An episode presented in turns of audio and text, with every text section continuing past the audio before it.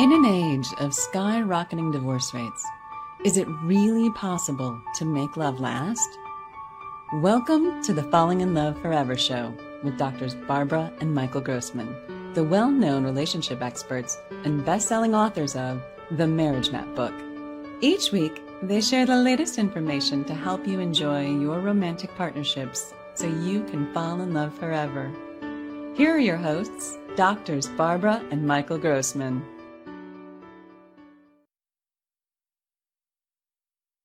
Welcome. I'm Dr. Michael Grossman. This is my wife, Dr. Barbara Grossman. And for those who don't know, I am a medical doctor, anti-aging specialist. Dr. Barbara is a individual marriage and family therapist. And she is an expert in helping people to fall in love forever. And that is why we have this book, The Marriage Map. The subtitle is The Road to Transforming a Marriage from Ordeal to Adventure. So today, we're going to talk about the myth of Psyche and Eros, which is also known as Psyche and Cupid. And it's the myth of what their own personal development was as it was written thousands of years ago. When I say written, spoken, it was the entertainment, it was the movies, it was the essence of our culture for thousands of years. And there's such wisdom there for what's needed for men and women to grow and develop. And this is the story of woman's development. And the pearls of wisdom that are there are extraordinary. And we're going to unfold them today and uplift both men and women to see the kind of growth that it takes to create falling in love forever. So we'll start with the story of Psyche and Eros. So Psyche is the only Greek goddess or Greek god who decided they were going to leave the world of the gods and be born as a human being and give up their godhood because she wanted to experience what it was like to be a human being. And she was going to give up her godhood, which is what she did. And when she did that, she was born to a king and queen. And she was so beautiful as she was growing up that people worshiped her. They, they, they saw how beautiful she was.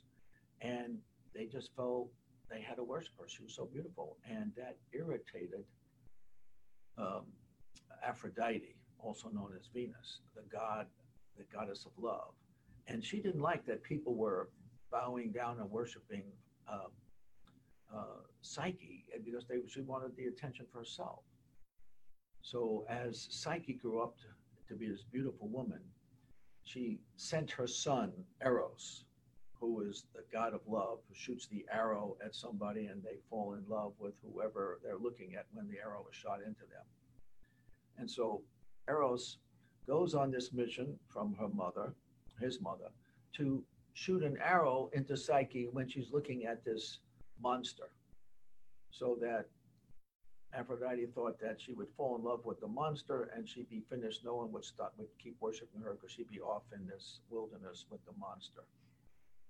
But what happened was that as as Eros is getting ready to shoot her with the arrow, he sees how beautiful she is. And oh, it's, his hand slipped and he cut his own fingers on the arrow and he fell in love with Psyche.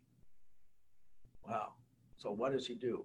He covers her up so she can't see anything and flies him, her off to his castle in the mountains. And he tells her, I'm in love with you, but I'm a god and you can't look at my face, but I want to marry you and as long as you don't look at my face, you can you can be with me at night in the dark, but you can never look at my face. Isn't that just like a man? Uh, he wants to love you. He wants your love, but but sharing intimately is is not comfortable. It's off um, off base.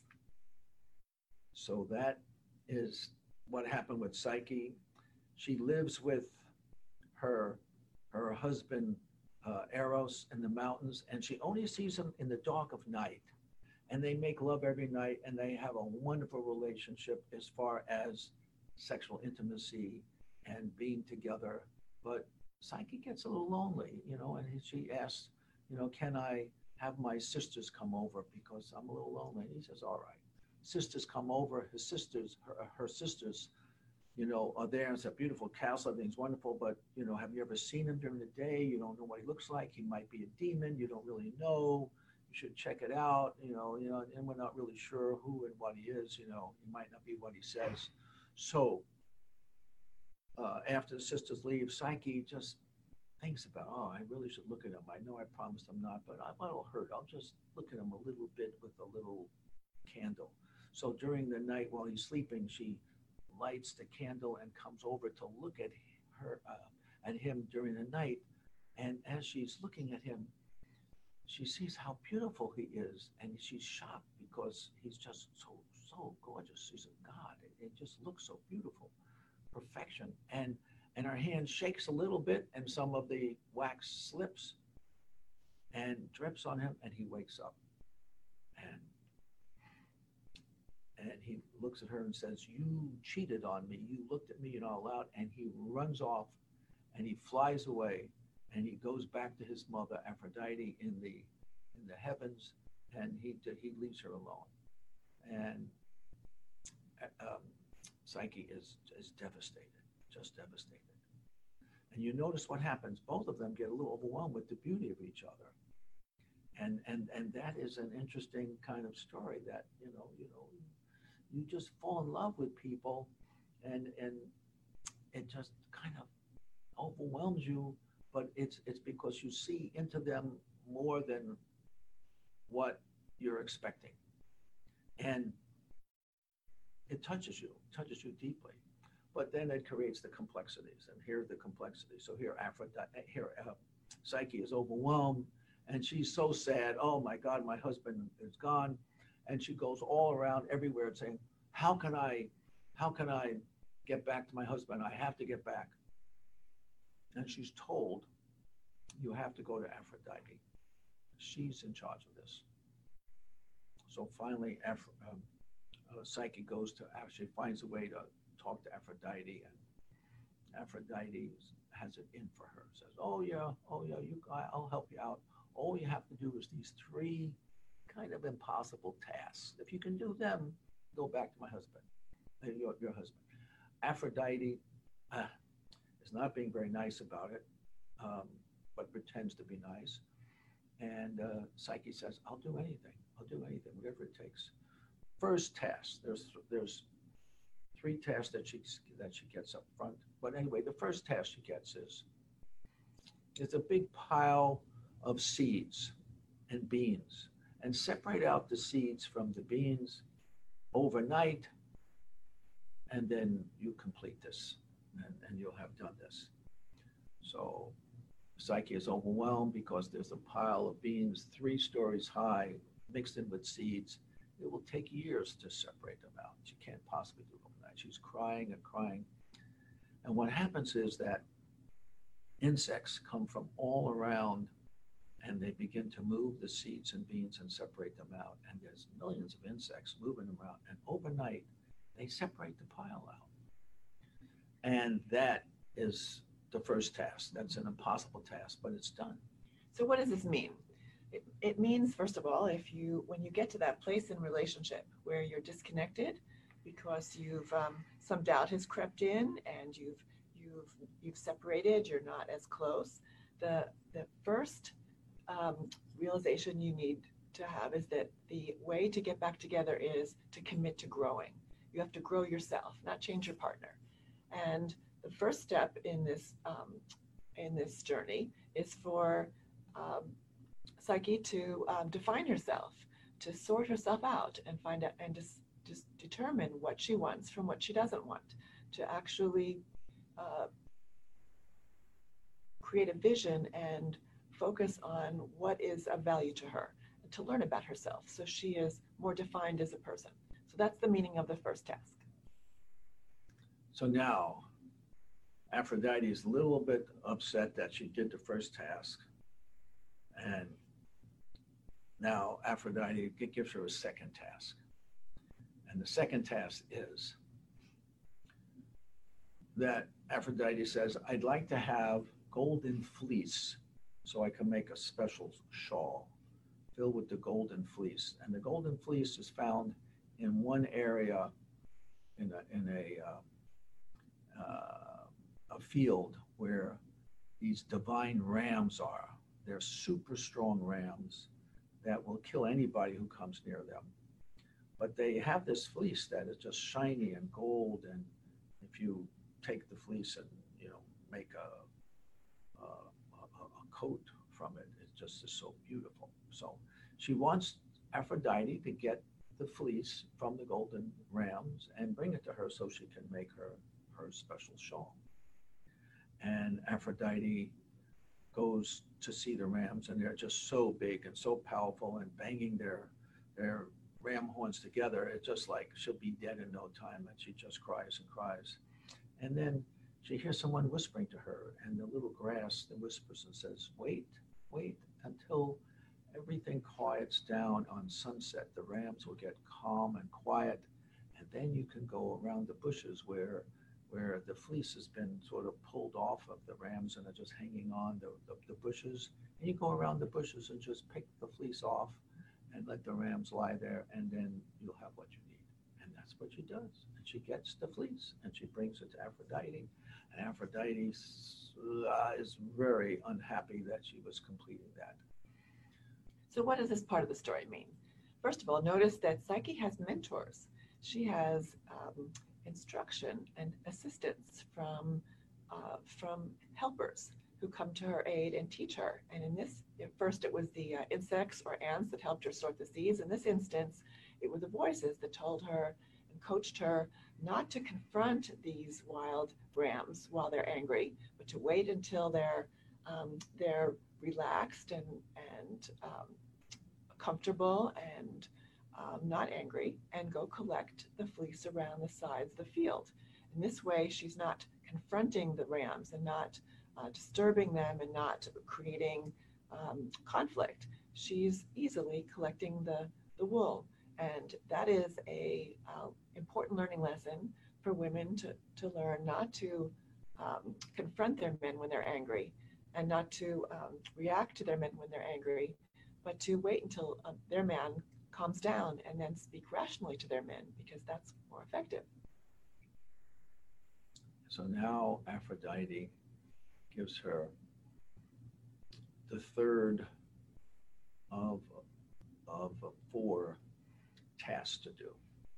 So the third task is to go down a mountain that's very, very steep, extremely steep very mountainous, very rocky, and that is guarded by a dragon that flies around and kills anything that comes near it. And at the bottom of the mountain is a river, River Styx. And the River Styx is a divine, special river that is the is, is, is has so much energy in it. It's the river that divides life and death, the, the living from the death from the dead, and and it's it just smolders with smoke and energy. Anyone who, who touches it and and and eats from it, they die immediately. But it is for the gods super energy. They get they get divine energy from it. So only the gods can deal with it.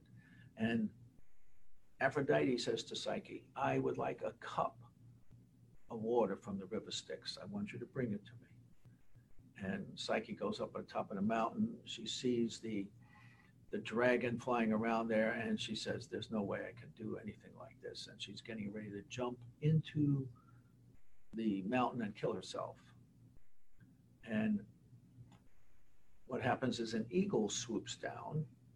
An eagle grabs the cup, and the eagle flies down and goes down so fast, can grab up a cup of water, and the dragon, before the dragon can catch it, it flies away and it brings the cup of water to Psyche. And, and then the, um, the eagle turns back into Zeus, who says that I'm going to help you with this, and he flies off. So Psyche's desire is so great that it inspires divine intervention.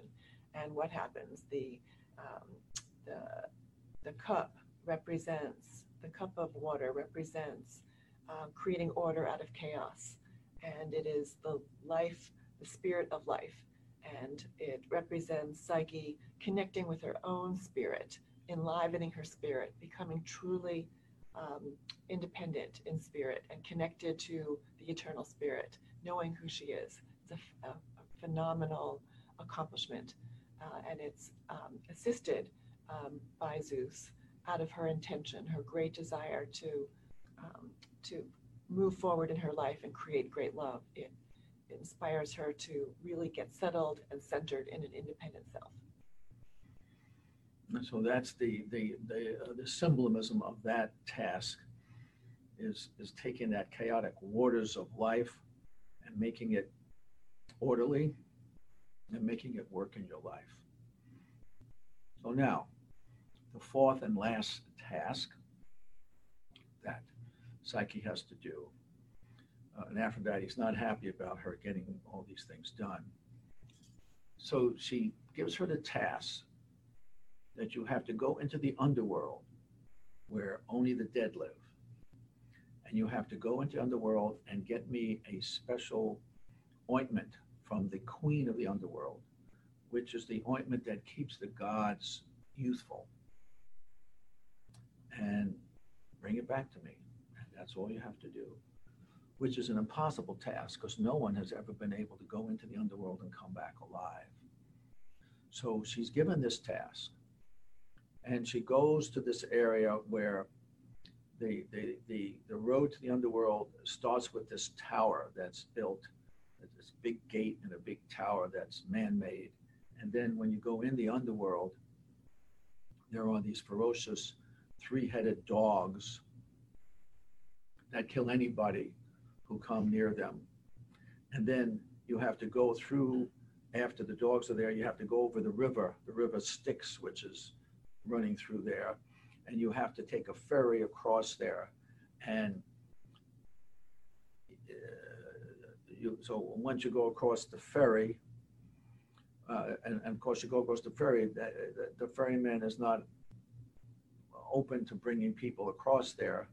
Um, uh, and, and so it's usually only the gods who can go in there. So you go across there, and then you have to walk past where all the people are dead and the, the, the, the, dead people are calling out and, and, and, and crying out and they want you to help them and do something for them and it's very emotionally overwhelming and then you're going to reach the queen of the underworld and you got to talk to her and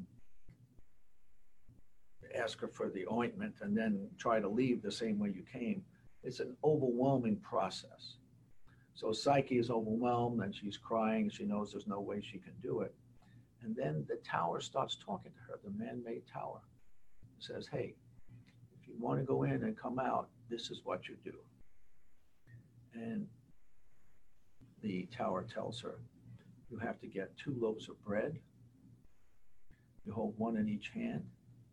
And when you walk in, you throw it one to the dogs when you go in, and when you come out, you throw the other one to the dogs when you come out. And you better hold on to them until the right time. And the tower tells her, you put two coins in your mouth, gold coins, and you give one coin to the ferryman when you go in and one coin when you come out.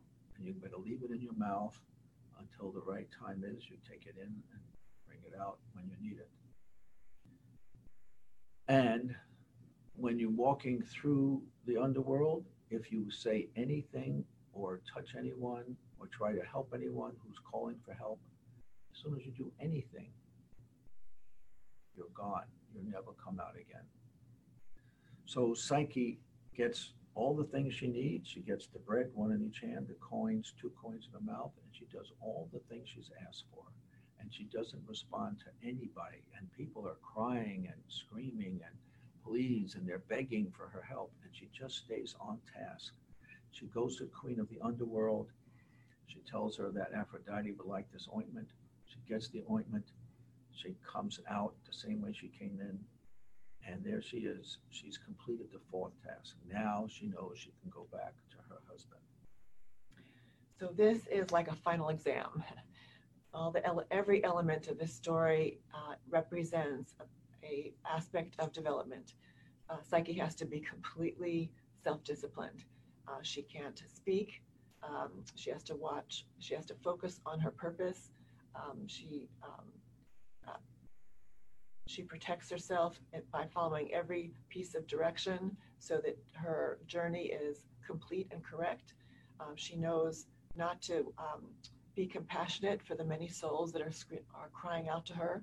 Um, this is a challenge to make boundaries. It's hard for women to make boundaries. They, they want to give, uh, but this is not a time to give. This is a time to stay on purpose. And so she delivers every aspect of the journey completely properly and completes the task of retrieving the, the um, special ointment and returning exactly the way she came, um, demonstrating that she has learned how to discipline herself, how to discipline her emotions, and how to stay focused on her goals. So it's a tremendous accomplishment. And so the fourth task is different than the first three tasks because Psyche is doing them. It's her own personal development that she has grown into, developing her own skills and abilities to be able to be on the same level as her husband, the god Eros. And it's a tremendous accomplishment that she's gone through. And this is um, a great accomplishment for a woman.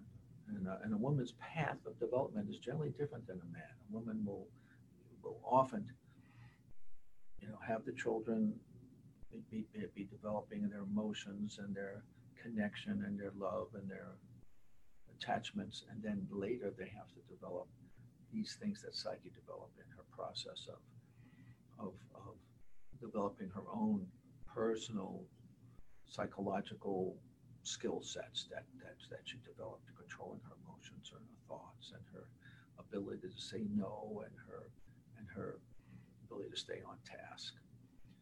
So now what happens to Psyche is that she's gone through all these processes and she's walking up the mountain to be back to her husband in Mount Olympus and she realizes that she's a complete mess physical mess she looks awful and she's she's she's all torn up her clothes and her skin is all weird and and it's no way to meet her husband and she wants to meet her husband and be on that same level she wants to be attractive to her husband and uh, and so she realizes that she has this ointment, ointment of the gods to make you look youthful and beautiful. And she decides she's going to open the ointment and put it on her face, which she does. And as soon as she does that, she dies. And she dies because only the gods can put the ointment on and stay alive. And um, there she is. She's dead. And all the gods are watching what's happening. They can see everything that happens on earth. And Eros sees what happens, and he's so emotionally moved by who Psyche has become that he leaves his mother, doesn't care what mother thinks. He wants Psyche to be his wife, and he flies down and picks her up. She's dead. He, he brings her to Zeus and says, This is my wife. I want you to bring her back to life. And Zeus says yes and he does, and he brings her back to life. And she comes alive, and she is pregnant with his baby, and she later has the baby, and the baby is called Joy, and they live in he- heavenly bliss as husband and wife for all eternity. And this is the story of Psyche and Eros. And so, what does this mean? It means that um, Psyche's growth and development so inspires Eros that he leaves his mother and he um, uh, you know he was a, he was actually a mischievous boy when the story starts he was busy playing with um, shooting arrows and uh, getting people together he's willing to step forward and become a uh, uh a mature man and claim his woman and um, and so they have both. Psyche's growth has inspired Eros to join her by her side. They've both grown. Her development has encouraged his development, and they join as a um, beautiful couple and give birth to a child. They become partners in life.